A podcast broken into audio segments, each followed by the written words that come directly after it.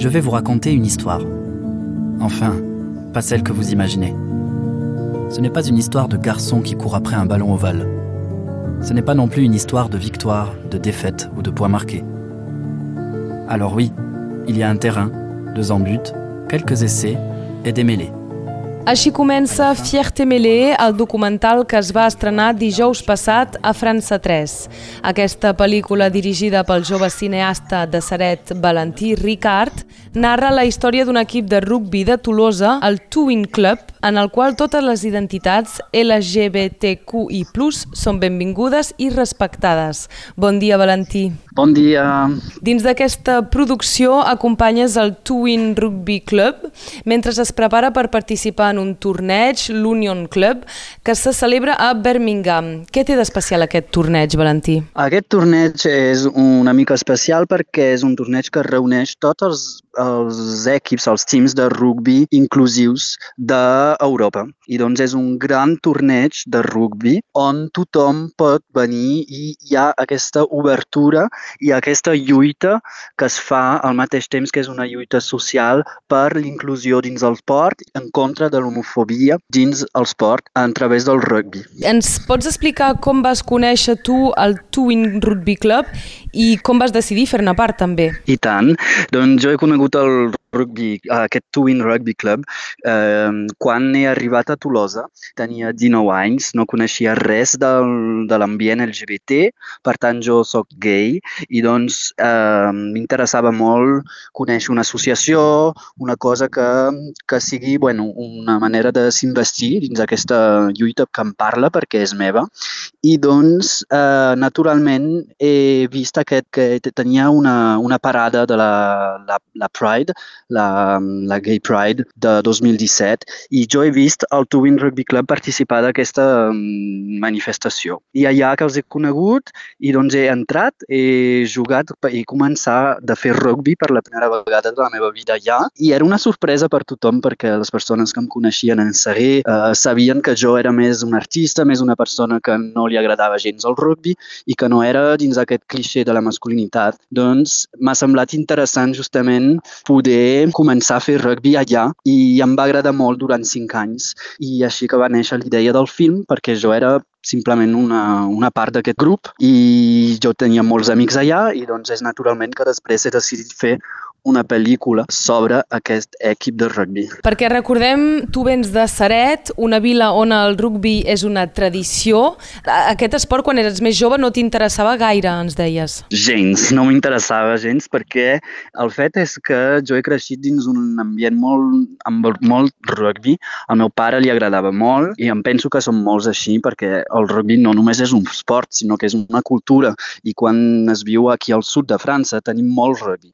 I doncs he crescut dins aquest ambient, com tothom, però no m'agradava gens. A mi m'agradava el teatre, amb el grup Fumfred, els meus pares també feien teatre, doncs m'agradava tot això i el rugby era una cosa que no m'agradava gens. O sigui, jo anava als, als partits per veure amb el meu pare, però em quedava dins un racó fent altres coses i esperava que el temps passi. I no tenia aquesta, de, aquest desig de comprendre realment, per exemple, com que es juga el rugby, no m'interessava gens.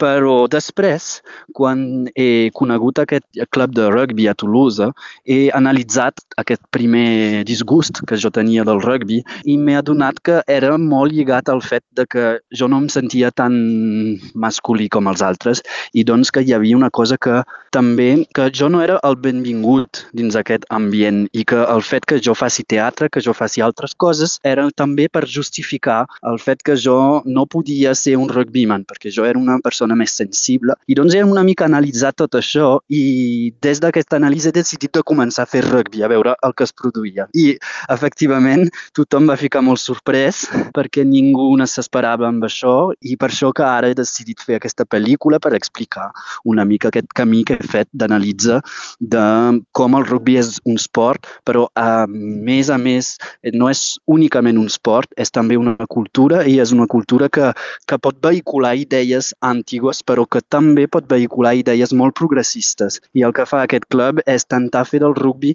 un esport progressista i no un esport reaccionari que et porta amb ideals antics del passat. I aquest club de rugby sobre el qual has eh, realitzat doncs, aquest documental és una etapa que tu personalment t'ha ajudat a assumir qui ets. Molt, molt.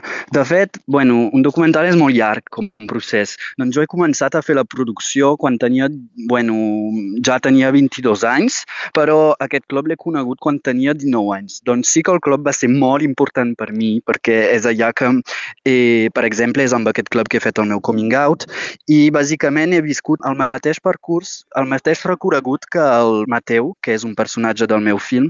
És a dir, que el rugby m'ha ajudat molt per assumir mi per posturar-me davant dels meus pares per explicar qui ja era, però bueno, ja, ells ja ho sabien, però jo necessitava d'alguna cosa forta per m'afirmar i el rugby em va ajudar molt.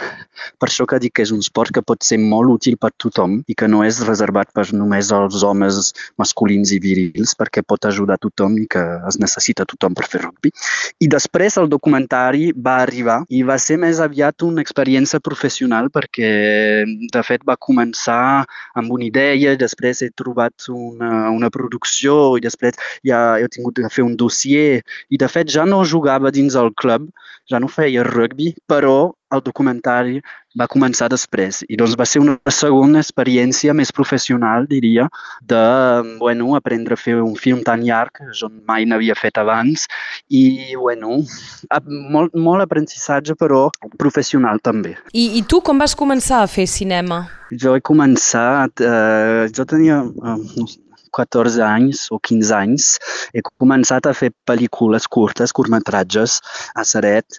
He fet un parell de curtmetratges, uns que van tenir uns premis a Girona, uns que van també participar al Festival d'Argelès, de Cabestany, i després he començat a fer aquesta escola de cinema quan tenia bueno, 19 anys a Tolosa, que es diu l'ENSAV, que és una escola de creació cinematogràfica, doncs s'aprèn guió, s'aprèn muntatge, s'aprèn imatge, i de fet aquest projecte del rugby era el meu projecte de final d'estudi, però hi va, hi va haver el Covid i després doncs, ja no tenia res per, per filmar perquè els, els eh, partits de rugby eren prohibits i doncs he començat després de l'escola, però he començat a 14-15 anys allà a Seret.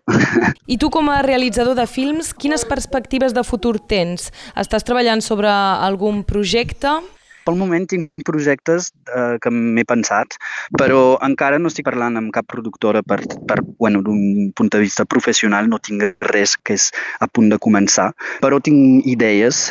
Doncs ara el que es passarà és que jo em mudaré a París, me'n vaig a París, eh, a casa del meu nòvio, perquè el meu nòvio viu allà ja, i l'idea és trobar un productor allà, potser per, per intentar fer un segon documentari, potser sobre una companyia de circ que conec, que treballa molt uh, dins del món i que m'agradaria fer un projecte amb ells. Però pel moment és només una idea així.